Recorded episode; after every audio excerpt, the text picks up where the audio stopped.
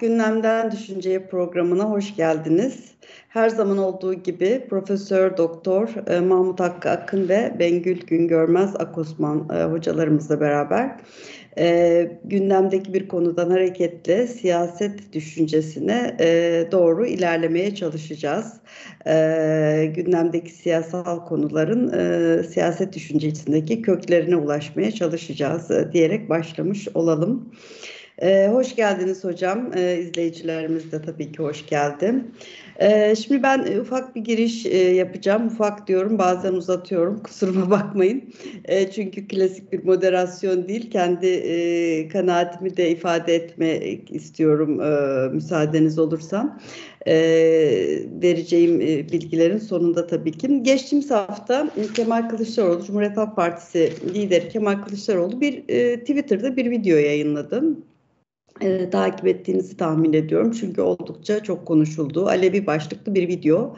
E, videoda işte kendisinin Hak Muhammed Ali inancına mensup bir Müslüman e, Alevi olduğunu ifade ediyordu.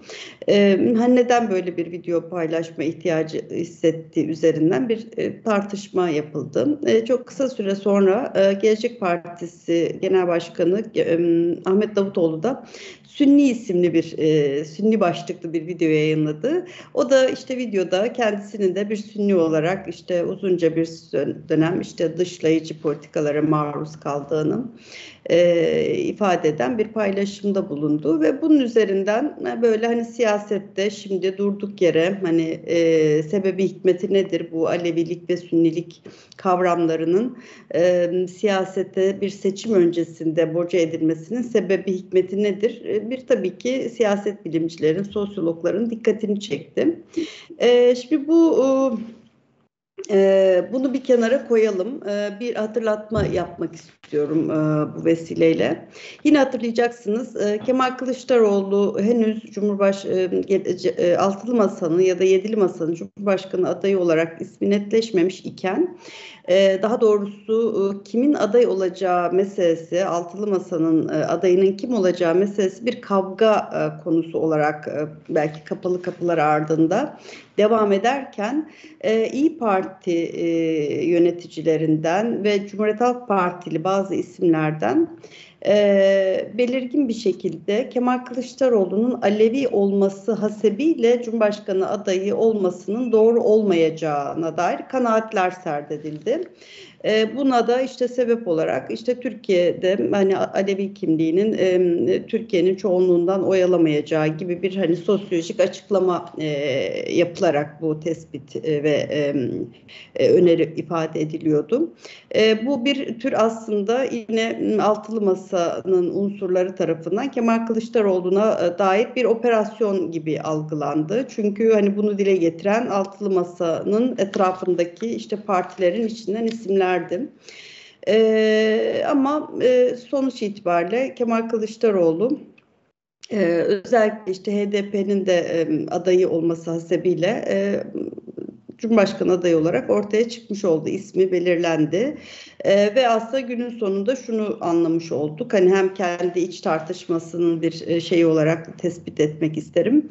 Çok hani doğrudan konuyla alakalı olmamakla beraber e, Kemal Kılıçdaroğlu ve Cumhuriyet Halk Partisi nezdinde aslında HDP ile olan ittifak, e, İyi Parti ile olan ittifakın önüne geçmiş oldu bir anlamda. Hani bunu neden vurguladım?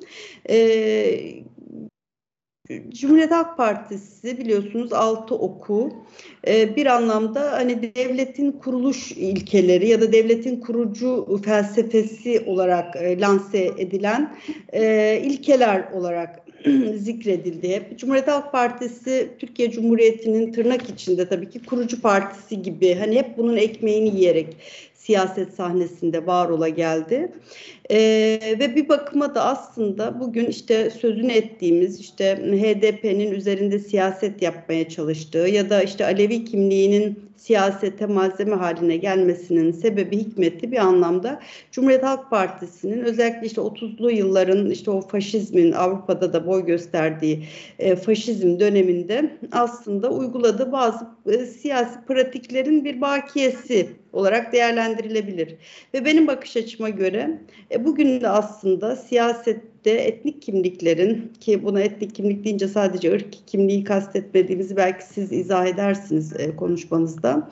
E, bunun altını çizerek, bunu siyaset sahnesinde yeniden mevzu ederek aslında sonuç itibariyle çok farklı iki şey yapıyormuş gibi dururken aynı amaca e, hizmet etmiş oluyor. Benim bakış açım bu. Yani bugün bir Alevi sorunu ya da bir Kürt sorunu e, diye bir şey jenerik yani realitede karşılığı olmasa bile kavramsal düzeyde bir e, bir karşılığı varsa ve bu işte bir siyaset malzemesi haline getirilebiliyorsa bu işte e, Cumhuriyet Halk Partisi'nin ilk dönem politikalarının bir sonucu ve bugün tam da tersini yaparak bu kimliklerin altını çizerek e, bir anlamda kimlikçi politikaları takip ederek gene o gün e, attığı tohumların diyelim ki e, hasadını e, yapmaya dönük bir e, söylem e, geliştiriyor. Bu benim bakış açım. Hem hani e, katılır mısınız e, diye sormuş olayım e, hadsizlik saymazsanız hem de e, bugün işte 2023 seçimlerine giderken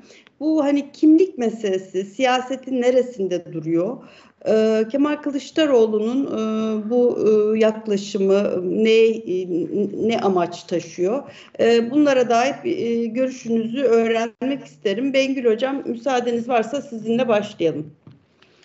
Evet, şimdi bizim programımızın adı gündemden düşünceye yani biraz düşünce tarafında durmak istiyorum ben müsaadenizle. E, siz gündemi de güzel izah ettiniz, e, özetlediniz.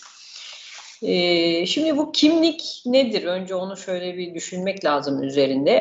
Identity kavramından geliyor. Aslında kökeninde aynı özdeş anlamına geliyor. Veya bireyin kendisiyle özdeş olması e, ya da mesela bir kolektif grupla özdeşleş, özdeşleşmesi, özdeşliği. Şimdi bu e, kimlik bizim alın yazımız. Yani nereden geliyorsak, e, doğduğumuzdan doğduğumuz andan itibaren hangi aileden, hangi kültürden, hangi dilden, hangi dinden, hangi ırktan geliyorsak onu taşıyoruz yani nereye gitsek o kimliğimizi biz yanımızda götürüyoruz. Alın yazısı gibi bir şey yani. Bundan çıkmak, kurtulmak, dönmek kolay bir şey değil. E, tarihe baktığımız zaman e, farklı kimliklerle dolu. Yani tarih bir sürü kimlikten e, bahsediyor bize. Bazen bu kimlikler birbiriyle çatışmışlar, bazen bu kimlikler birbirleriyle işbirliği yapmışlar. E, farklı kimlikler mesela aynı kimlik içinde alt kimlikler bile olabilir. Yani aynı kimlik ama alt kimlikler var. Mesela bazen bakıyoruz tarihe devlet çoğun çoğunluğu temsil ediyorum diye bir kimliği diğerlerine dayatabilmiş. Veya bazen azınlık bir grup e, kendi kimliğini çoğunluğa dayatmış. Dolayısıyla hepsi mümkün e, bu türden tarihe baktığınızda her şey için bir olgusal e, kanıt bulmak ya da bir şahitlik bulabilirsiniz. E, bazen kimliğimizi biz aşırı vurgularız. Bazen kimliklerimizi e, çok fazla vurgulamamayı tercih ederiz. Bazen gizlemeyi tercih ederiz. Aşırı vurguladığımızda mesela kimliğimiz bir hapishaneye de dönüşebilir. Çünkü ee, eğer bir kimliği aşırı vurgularsanız kendinizi diğer kimliklere kapatmış olabilirsiniz. Diyelim ki ben bir dindarım, dindar kimliğimi çok fazla ön plana çıkarıyorum, çok fazla vurguluyorum. O zaman sekülerlere kendimi kapatabilirim. Aynı şey tersi için de doğrudur. Yani seküler biri, sekülerist bir tarzda kendi kimliğini o kadar vurgular ki bütün dindarlara bütün kapıları kapatabilir. Onları hoş görmeyebilir. Onlara zulm bile edebilir yani. Dolayısıyla e, bir kimliği aşırı derecede sahiplenmek, aşırı derecede benimsemek adeta onun hapishanesine girmemize sebep olabilir.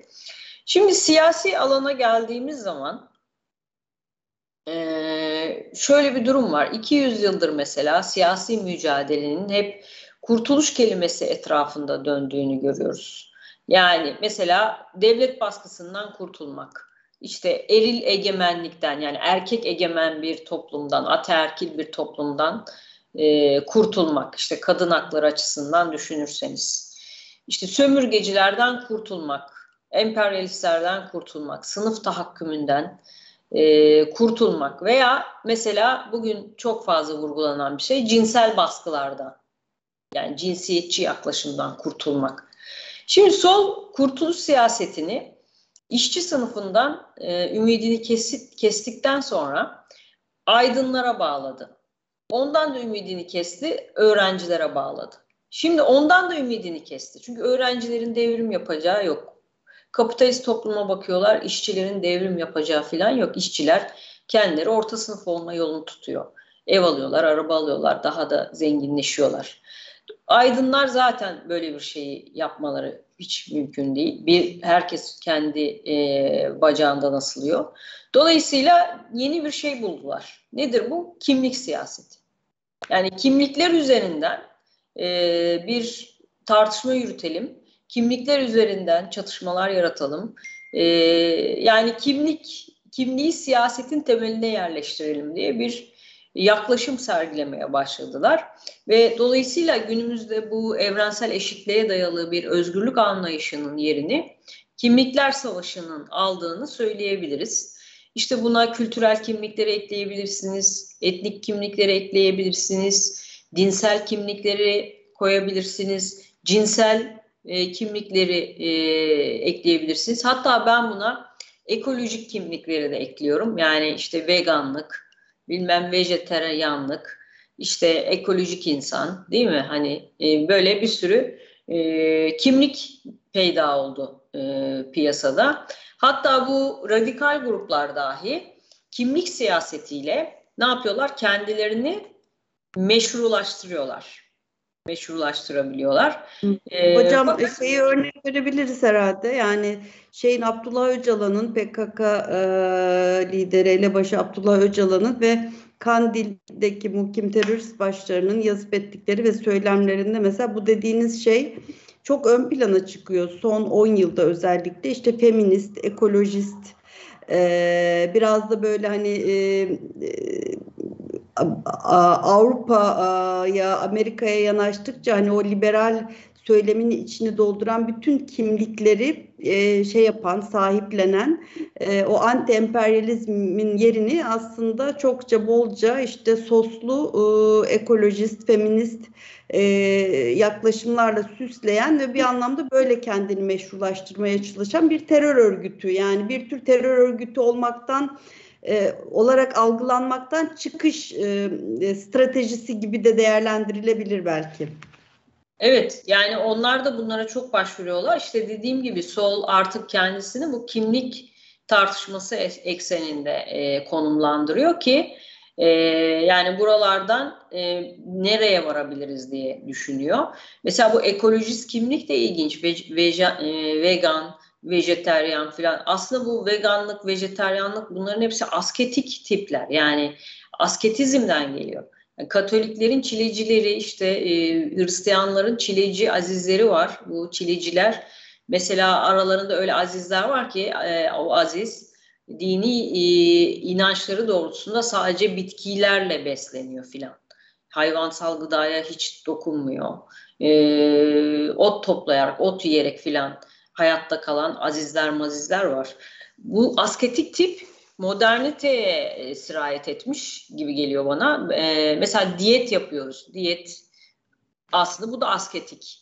Yani o asketik e, dindar azizlerden geliyor. Patates ve suyla besleniyor. Adam şeye e, sığınıyor. İşte e, ne o? E, katedrale giriyor. İşte orada kendi bir yere çekiliyor. Patates ve su sadece. Dolayısıyla diyetler yapıyorlar. Bunlar böyle modern dünyaya da tezahür etmiş. Bu dinsel içerik boşalmış, modern bir şey görünüm almış. İşte bugün bizde bir sürü genç var bunlara e, takılıyorlar. Bunları zannediyorlar ki çok modern şeyler. Hala alakası yok yani. Bunların temelinde teoloji var. E, din var. Dolayısıyla böyle kimlikler mesela e, kırsaldan kente göçtüğün zaman e, kimlik sorunun oluyor zaten. Kimlik problemin oluyor ve kırsaldan kente göçtüğünde bu kendine en uygun kimlikleri nerede buluyorsan onlara sarılıyorsun ve e, kırdaki kimliğini bir kere kentte e, yaşayamıyorsun. Yani onu sürdüremiyorsun. Dolayısıyla insanlar bir takım kimliklerle kendilerini ifade ediyorlar. Ama burada problem olan kimliğimizin olması değil, bir kimliğe sahip olmamız değil. Siyasetin sadece kimlik temelinde yapılması. Siyaset sadece kimlik temelinde yapılırsa o zaman bir parçalanma söz konusu olabilir toplumda. Ya da geçmişteki gibi bakın protestanlar, katolikler birbirleriyle savaşmışlar yani. Dolayısıyla büyük ee, parçalanmalara sebep olabilir. Müsaade ederseniz bu hani e, kimlikçi, parçalayıcı siyasetin hani Türkiye özelinde bugün hani nelere gebe olduğunu belki konuşmayı ikinci fasla bırakalım. Mahmut Hocam bu konuda eklemek isterse çünkü aslında hani can alıcı yeri de orası e, malum. Hani bu kimlik siyaseti e, nelere kapı aralar, e, nasıl bir şeyin eşiğindeyiz, yani nasıl bir nehrin eşiğindeyiz, kenarındayız. Ee, belki hani bunu birazcık cesurca konuşmak gerekiyor. Çünkü hani baktığınızda işte hepsi bir tür hani özgürlük, e, demokrasi gibi çerçevelenebilen şeyler. E, bunlar da aslında işte hani e, bir tür belki hani e, sonuca ilişkin, kötü sonuca ilişkin hava yastığı şey yapan, işlevi gören söylemler ama hani kimlik siyasetinin çok kötü sonuçları olabiliyor. Oraya geçmeden önce belki Mahmut Hocam hani Türkiye özelinde Türkiye Cumhuriyeti işte bir etnik e, anti etnik bir e, işte e, devlet olarak hani kuruldu diyelim ki hani Osmanlı'nın kendi işte o modernleşme serencamı, Osmanlıcılık, İslamcılık, Türkçülük meselesi üzerinden e, artık hani Cumhuriyet'in ilanında bir Fransız modeli malum işte anti etnik bir model. Bütün e, etnisiteleri e, aslında hani dışarıda tutan ve hepsini Türklük potasında bir vatandaşlık potasında eritmeyi öngören bir model iken bu nasıl işte hani Kürt Kürtçeyi yasaklayan hani her şeyi yasaklayarak ve hepsini de aslında neredeyse Türk e, etnik kimliğini bir ırki temelmiş gibi ele alan ve e, dışlayıcı bir şeye dönüştü ve bugün e, pek çok konuştuğumuz konunun e, sorunun temelinde de belki hani oralar yatıyor. Bir orayı bir hani şey yapalım açalım ondan sonra da hızlıca e, bugün e, hani kimlikçi siyaset nelere gebe onu konuşalım isterim. Evet. Ee, söylediğiniz gibi aslında imparatorluk tecrübesi yaşamış e, ülkelerin hemen hepsinde e, zaman içerisinde bu kimlik meselesiyle ilgili problemler ortaya çıkmış, siyaseti de bir şekilde etkilemiş. Yani Osmanlı İmparatorluğu bunu kendi içerisinde çözmüş e, bir durumdaydı. Etnik ya da işte mezhepsel, e, Müslim, gayrimüslim ana dini bölünme dışında da ama modernleşmeyle birlikte 19. yüzyıldan itibaren hem milliyetçilik hareketlerinin e, yaygınlaşmasını takip edebiliyoruz. Bir de bu milliyetçilik hareketlerine etki eden malum misyonerlik özellikle e, Hristiyan, gayrimüslim nüfus e, üzerinde etkili olmak için o yolun da Osmanlı'da denendiğini e, görüyoruz ve bir karmaşa hali de var. Yani burada belki herkesi bir arada e, tutabilecek bir kirlik, kimlik arayışı biraz da dönemine uygun olarak milli kimlik arayışının bizde de karşılık bulduğunu görüyoruz. Ama bu e, kolay olmadı elbette. Çünkü bu geçiş bir dönüşüm gerektiriyordu. İşte aklımıza Ziya Gökalp gelebilir. Yani Ziya Gökalp bir e, milli kimlikte e, insanların birleşmesi, bir araya gelmesiyle ilgili bir sosyoloji de e, geliştirmeye çalıştı. E, bunu hem ikinci meşrutiyet hem de cumhuriyet döneminde takip edebiliyoruz. Ama burada biraz evvel sizin vurgu yaptığınız bir meseleyi ben özellikle e, dikkat çekmek isterim. E, Zafer Toprak Hoca'nın biliyorsunuz Cumhuriyet ve Antropoloji diye bir çalışması vardır. Alt başlık olarak da Darwin'den Dersim'e e, diye bir alt başlığı e, vardır o çalışmanın. Cumhuriyet dönemindeki antropoloji çalışmaları. Şimdi 1930'lara gelindiğinde biraz dönemsel etkilerle de alakalı tabii bu. Yani Avrupa'da o dönemde diyelim ki işte daha otoriter ve totaliter e, rejimlerin yükselişi ve daha çok kimlikçi yani doğrudan tek hatta kimliği e, vurgu yaparak yükselen ulus devletlere benzer şekilde Türkiye'de de sosyolojiden vazgeçilip antropolojiye daha önem verildiği ve fiziki antropolojiye önem verildiğini görüyoruz. E, bu fiziki antropoloji sonrasında Afet İnan'ın falan da dahil olduğu çok büyük çaplı bir antropolojik çalışma Türkiye'de yapılmıştır. Biraz da şu doğrulanmaya çalışılmıştır. Yani hatta kurgulanıp üretilmeye çalışılmıştır. Bizim işte Alpin ırkından olduğumuz, Avrupalı olduğumuz bunun da e, bu araştırma sonucunda ortaya çıkacağı doğrudan fiziksel antropoloji yani tamamen biyolojik e, temelde insanı kabul eden bir anlayış üzerinden. Şimdi orada da kalmadı tabii. Bu işin e, uygulama alanlarından biri. Hani Alevilik meselesiyle de ilgili olduğu için bağlantısını kurayım. Mesela Dersim harekatına giden süreçte bu işin biraz daha bu bilgi sosyolojisi açısından temelini oluşturan anlayış oradan geliyordu. O kimlikçi politikalardan geliyordu. Ve bu bir medenileştirme hareketi olarak da dönemin gazete ve dergilerinde sunuldu.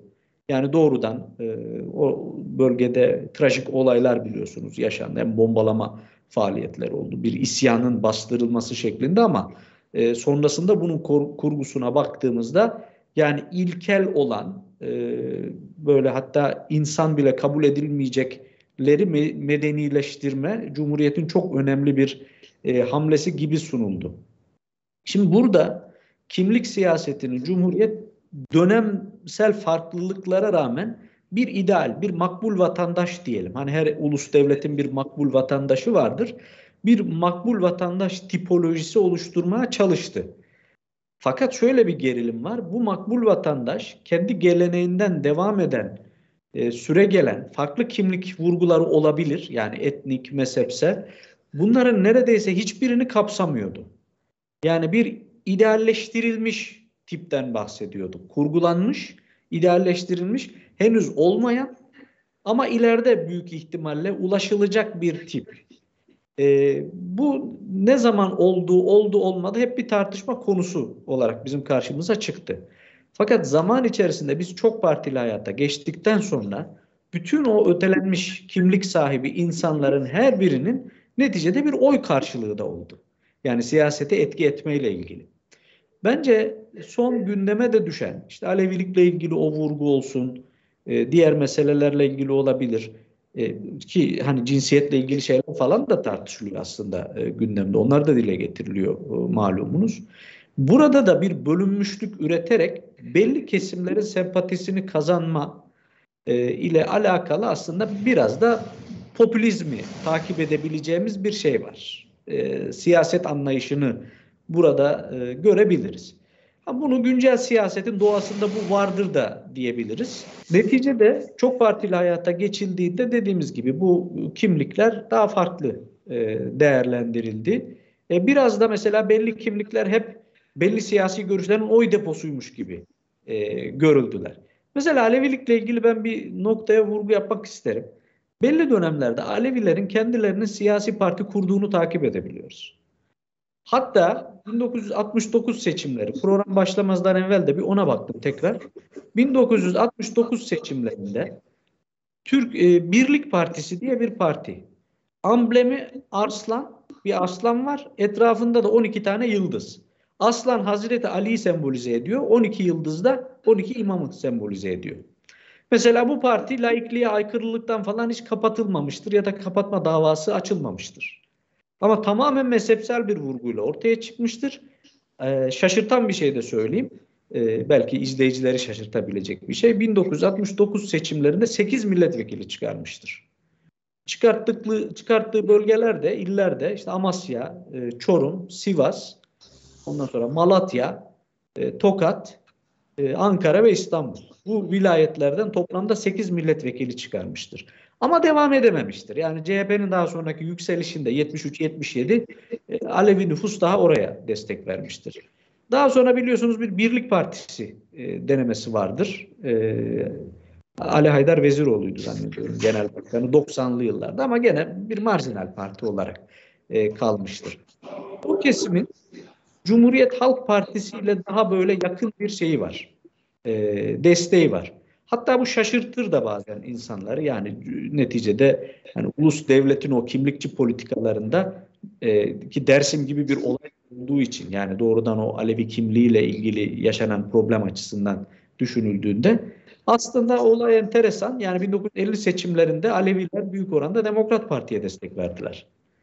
Fakat 54-57 seçimlerinden itibaren daha ayrışıp biraz da Cumhuriyet Halk Partisi'nin zannediyorum laiklik politikasıyla kendileri arasında böyle bir daha yakın bağ kurma imkanları ortaya çıktı. E, ve sonra Cumhuriyet Halk Partisi'nde o destek devam etti. İşte bir genel başkan bile e, daha sonra oluştu. Bu vurgu neden yapıldı? Dediğim gibi güncel siyasetin kendi popülist e, taraflarıyla alakalı bir boyutu olabilir bunun. Bu bir. İkincisi fazla gündeme de getirildi. Yani Alevi olmak meselesi. Çünkü Kemal Bey bu açıklamayı yaptıktan sonra gelen tepkilere baktığınızda çoğunluk tepkisi aslında şöyleydi. Ne alaka, nereden böyle bir şey yapılıyor gibi bir tepkiyi, e, ya ne ilgisi var? Hani bu meseleler daha da Türkiye'de artık aşıldı e, gibi bir tepki de yoğundu. E, bir taraftan da daha bu hassasiyetleri sahip olup bastıran kesimler. Yani ben bu kimliğimi zamanında gizliyordum. E, bak şimdi söyledim, genel başkan da bunu söyleyebildi diyen bir grup da var idi. Fakat ben bu bastırma işinin epey geçmişte kaldığını düşünüyorum.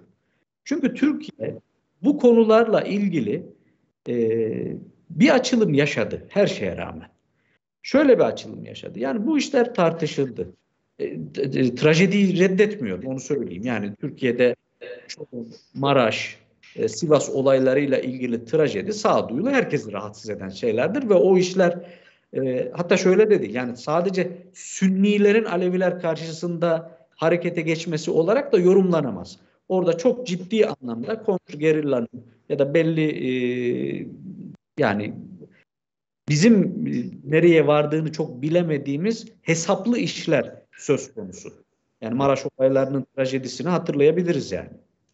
Hocam aslında tam da bu değil mi? Yani şimdi bu meseleleri böyle gündeme getirmek aslında o travmatik tarihi e, bir anlamda kaşımak ve o dediğiniz tarih bugün hani kimsenin aslında e, şey yapmak istemediği değil mi? Hani sahiplendiğini düşünemeyiz normal hani sıradan işte bugün siyaset yaptığımız seçmen profiline baktığında kimse işte Madımak'ta arkasından başbağlarda yaşananlar yani bir rövanş alınan ya da Çorum Maraş katliamları keza Dersim yani bu devlet de işte Dersim olaylarıyla ilgili bir işte özür diledi yani sonuçta bunun bir kara leke olduğu e, şuuruna varıldı ki bundan özür dilendi.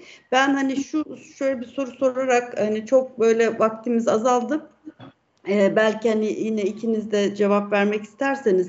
Sonuçta işte Kürt sorunu ve Alevi sorunu ile ilgili e, bir takım işte demokratik ya da işte normal hani vatandaşın e, e, nasıl diyeyim hani grup hakları diyebileceğimiz e, ya da işte dernekleşen yapıların talep ettiği haklar çerçevesinde talepleri vardı ve işte e, Kürtçenin e, rahatça konuşulabilmesi, Kürtçe yayın yapılabilmesi, hani en temel tabii dil biliyorsunuz malum hani en şey tutamak noktası bu.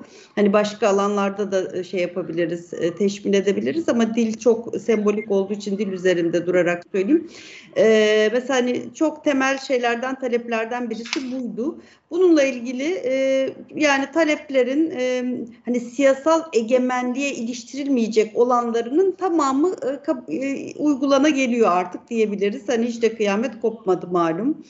E, keza işte hani Alevilerin talepleri işte dedelere maaş bağlanması, cemevlerinin işte e, bir işte e, e, ibadethane şeklinde bir statü değil tabii ki. Hani bir laik devletin bir işte cemevine ibadethane statüsü vermesinin talep edilmesi ayrı bir e, başlık ama sonuçta onlarla ilgili de pek çok talep yerine getirildi. Yani daha düne kadar Alevi olduğunu söyleyemeyen bir e, Alevi nüfus var iken hani bugün e, bu konular e, bir şey olmaksızın e, e, tehdit unsuru olmaksızın konuşulabiliyor. Hani bu olması gereken şeylerdi. Bütün bunların üzerine bugün hala işte mesela Kemal Kılıçdaroğlu'nun ben işte Türk-Kürt kavgasını bu kavgayı bitireceğim demesi ya da bugün hala Aleviliği bir siyasal e, malzeme olarak öne sürmesi. Bengül Hocam size sormak istiyorum. Hani şu vasatta bu ne ifade ediyor? Evet, e, şimdi birazcık geriden takip etmeyi ifade ediyor bence. E, Mahmut'un da dediği gibi, Mahmut Hoca'nın da dediği gibi işte aşıldı bazı şeyler Türkiye'de. Gerçekten de Cumhuriyet aslında bir tasfiyeler tarihi. Yani düşünün dili bile tasfiye etmiş. Neden? Geçmişten kurtulmak için. E, dili tasfiye, tasfiye ediyorsun, ona bağlı insanları da tasfiye etmiş oluyorsun. E, sürekli bir e, tasfiye, kurucu hamle olduğu için böyle. Yani neden? Bu kurucu hamle iki şeyden etkilenmiş. Bir aydınlanma ideolojisinden yani pozitivist ideolojiden bir de Prusya militarizminden etkilenmiş. İdeolojik bürokratik kur, kur, konumunu Prusya militarizminden almış. Öbür e, devlet ideolojisini de resmi ideolojiyi de aydınlanma pozitivist ideolojiden almış. Dolayısıyla pozitivistlerin e, aydınlanma düşünürlerin temel mottosu geçmişten kurtulmak. Dolayısıyla geçmişten gelen ne varsa silmek istemişler. Bu, bu günü yani yeni kurulan e, devleti daha iyi gösterebilmek için. Bu e, tasfiyeler özellikle dindar ve Kürtler üzerinde yoğunlaşıyor. Bu vatandaşlar üzerinde çok yoğunlaşıyor tabii ki. E, işte AK Parti dindarların e, bir şekilde geri dönmesi, Kürt meselesi de bugün hala gündemimizde. Şimdi Türkiye'de farklı kimlikleri bir araya getirerek bir koalisyon oluşturuyor muhalefet. Bunların kimlikleri işte Alevisi var, ben Sünniyim diyor öbürü, öbürü bilmem işte ne. Türkçüyüm diyor filan. Yani böyle bir karışık ortaya bir şeyi e, sunuyorlar. E, ya, şimdi tabii bu iktidarın kazanılması halinde e, devletin konumları da koltuklar da bu kimliklere göre mi paylaşılacak? İnsan ilk olarak bunu merak ediyor birinci olarak. E, ve bu kimlikler arasında çelişkili durumlar ortaya çıktığında ne olacak? Ya bunları biz merak ediyoruz. Ee, bunlara bir cevapları şu an yok. Bir tartışma olmadan bu işin yürüyeceği varsayımıyla hareket ediyorlar. Ama bu kimlikler basit değil ki. Yani insanlar kimliklerini kolay kolay bırakmazlar, feragat etmezler. Hemen böyle e, bir şeylerden vazgeçmeyeceklerdir. Ee, ve sorun şudur, asıl sorun şudur. Her bir kimlik başlı başına halk mıdır? Yani her bir kimlik halkı temsil edebilir mi? Şimdi kimlikler üzerine siyaset yapılan e, bir toplumda bana göre okuduğum siyaset teorilerinden de hareketle söylüyorum bunu. Halk egemensizlikleşir yani egemen, egemenliksiz hale gelir. E, yani halkın egemenliği kaybolmaya başlar. Hangi kimlik ya da kimlikler egemense onun borusu ötmeye başlar. Ve bu da parçalanma demektir. Bakın bugün Libya nedir yani Libya?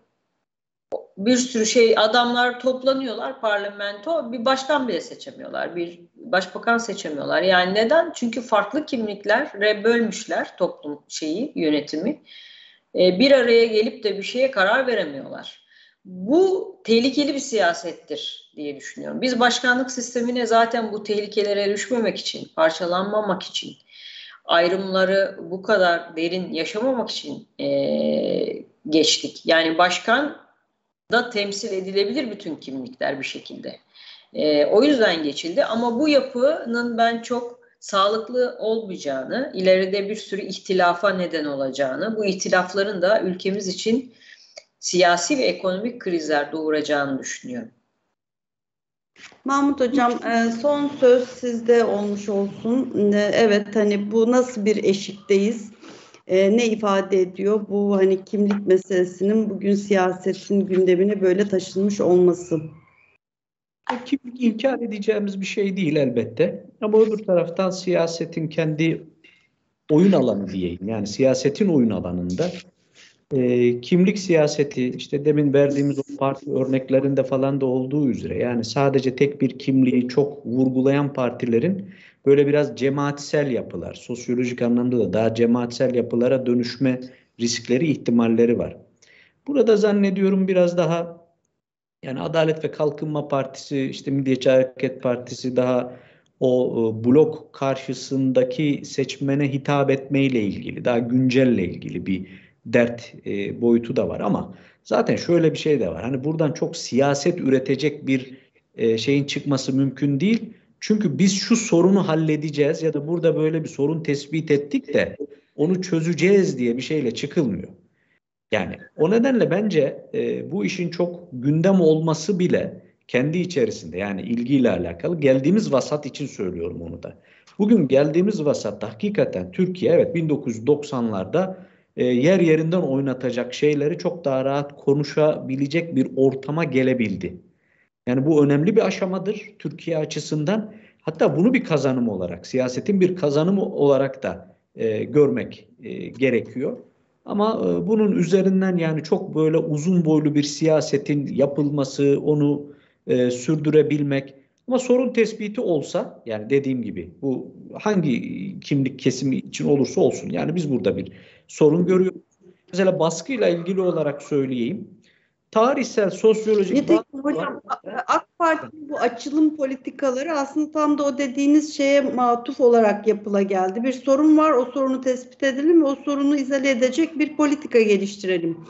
E, bu dediğin ya buna ben kimlik politikası demiyorum, kimlikçi politika demiyorum ama hani kimlik taleplerinin demokrasi alanını genişletmek adına taleplerinin yerine getirilmesi tamam okey ama hani e, Bengül Hoca'nın ifade ettiği şekilde yani her kimliği bir hani halkta bir şey karşılığı olarak gördüğünüzde bir yönetilemezlik e, egemensizlikle neticelenebilir ve bu da aslında tam da şu anda hani bir anlamda tırnak içinde emperyalizmin diyelim ki hani bu e, e, müdahale edebildiği coğrafyaya belki de dayattığı bir şey e, hani çok mu jenerik bir şey söylemiş oluyorum bilmiyorum ama hani biraz öyle durmuyor mu?